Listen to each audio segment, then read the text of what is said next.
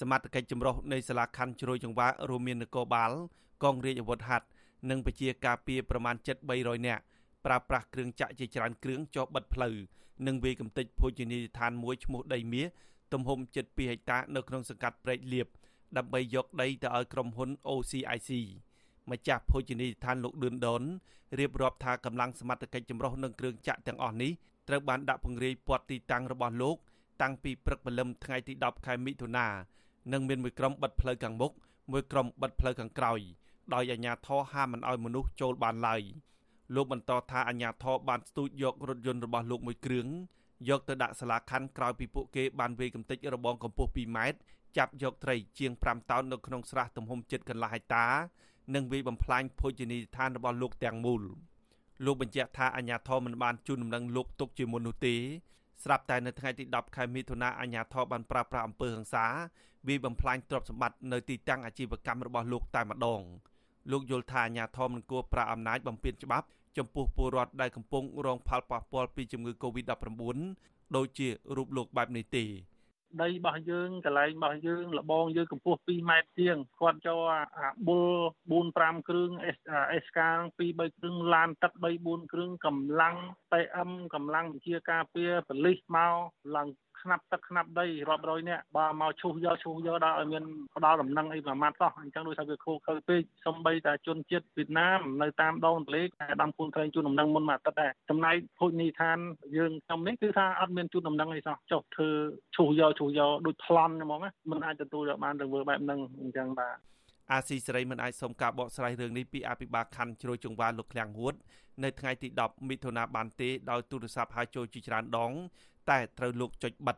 លោកឌឿនដនឲ្យដឹងទៀតថាអភិបាលខណ្ឌជ្រោយចង្វាលោកឃ្លាំងហួត បានប្រាប់លោកឲ្យទៅរកដំណោះស្រាយពីសាលារាជធានីភ្នំពេញជំនួសវិញ នៅពេលដែលលោកទៅសាលាខណ្ឌដើម្បីសួរនាំរឿងវាយបំផ្លាញភោជនីយដ្ឋានរបស់លោកប៉ុន្តែនៅពេលដែលលោកទៅដល់សាលារាជធានីភ្នំពេញលោកថាគ្មានមន្ត្រីណាម្នាក់មកទទួលជួបលោកឡើយ ដោយពួកគេលើកយកហេតុផលខ្លាចឆ្លងជំងឺ Covid ទោះជាយ៉ាងណាម្ចាស់ភោជនីយដ្ឋានរូបនេះបានឲ្យដឹងថាលោកនឹងធ្វើញត្តិដាក់ទៅខុទ្ទកាល័យលោកនាយករដ្ឋមន្ត្រីហ៊ុនសែននិងក្រសួងមហាផ្ទៃឲ្យជួយអន្តរាគមន៍ផ្ដល់ដំណោះស្រាយរឿងនេះអាស៊ីសេរីមិនអាចសុំការបំភ្លឺរឿងនេះពីអភិបាលរាជធានីភ្នំពេញលោកខួងស្រេងនិងអ្នកនាំពាក្យសាលារាជធានីភ្នំពេញលោកមេតមាសភក្តីបាននៅឡើយដោយទូរស័ព្ទហៅចូលមិនមានអ្នកទទួល តែកតិនទៅនឹងរឿងនេះអ្នកសម្របសម្រួលគម្រោងធុរកិច្ចនិងសិទ្ធិមនុស្សនៃមជ្ឈមណ្ឌលសិទ្ធិមនុស្សកម្ពុជាលោកវ៉ាន់សុផាត មានប្រសាសន៍ថាការដែលអាជ្ញាធរមិនបានជូនដំណឹង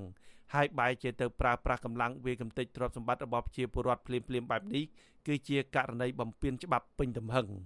លោកយល់ថាអាញាធរនៅមានពេលវេលាច្រើនដែលអាចនិយាយសម្របសម្រួលជាមួយនឹងប្រជាពលរដ្ឋដោយសន្តិវិធីដើម្បីដោះស្រាយបញ្ហាឲ្យអស់លទ្ធភាព លោកយល់ថាប៉ះសិនបើទង្វើរបស់អាញាធរបែបនេះនៅតែកើតមានទៅលើប្រជាពលរដ្ឋតទៅទៀត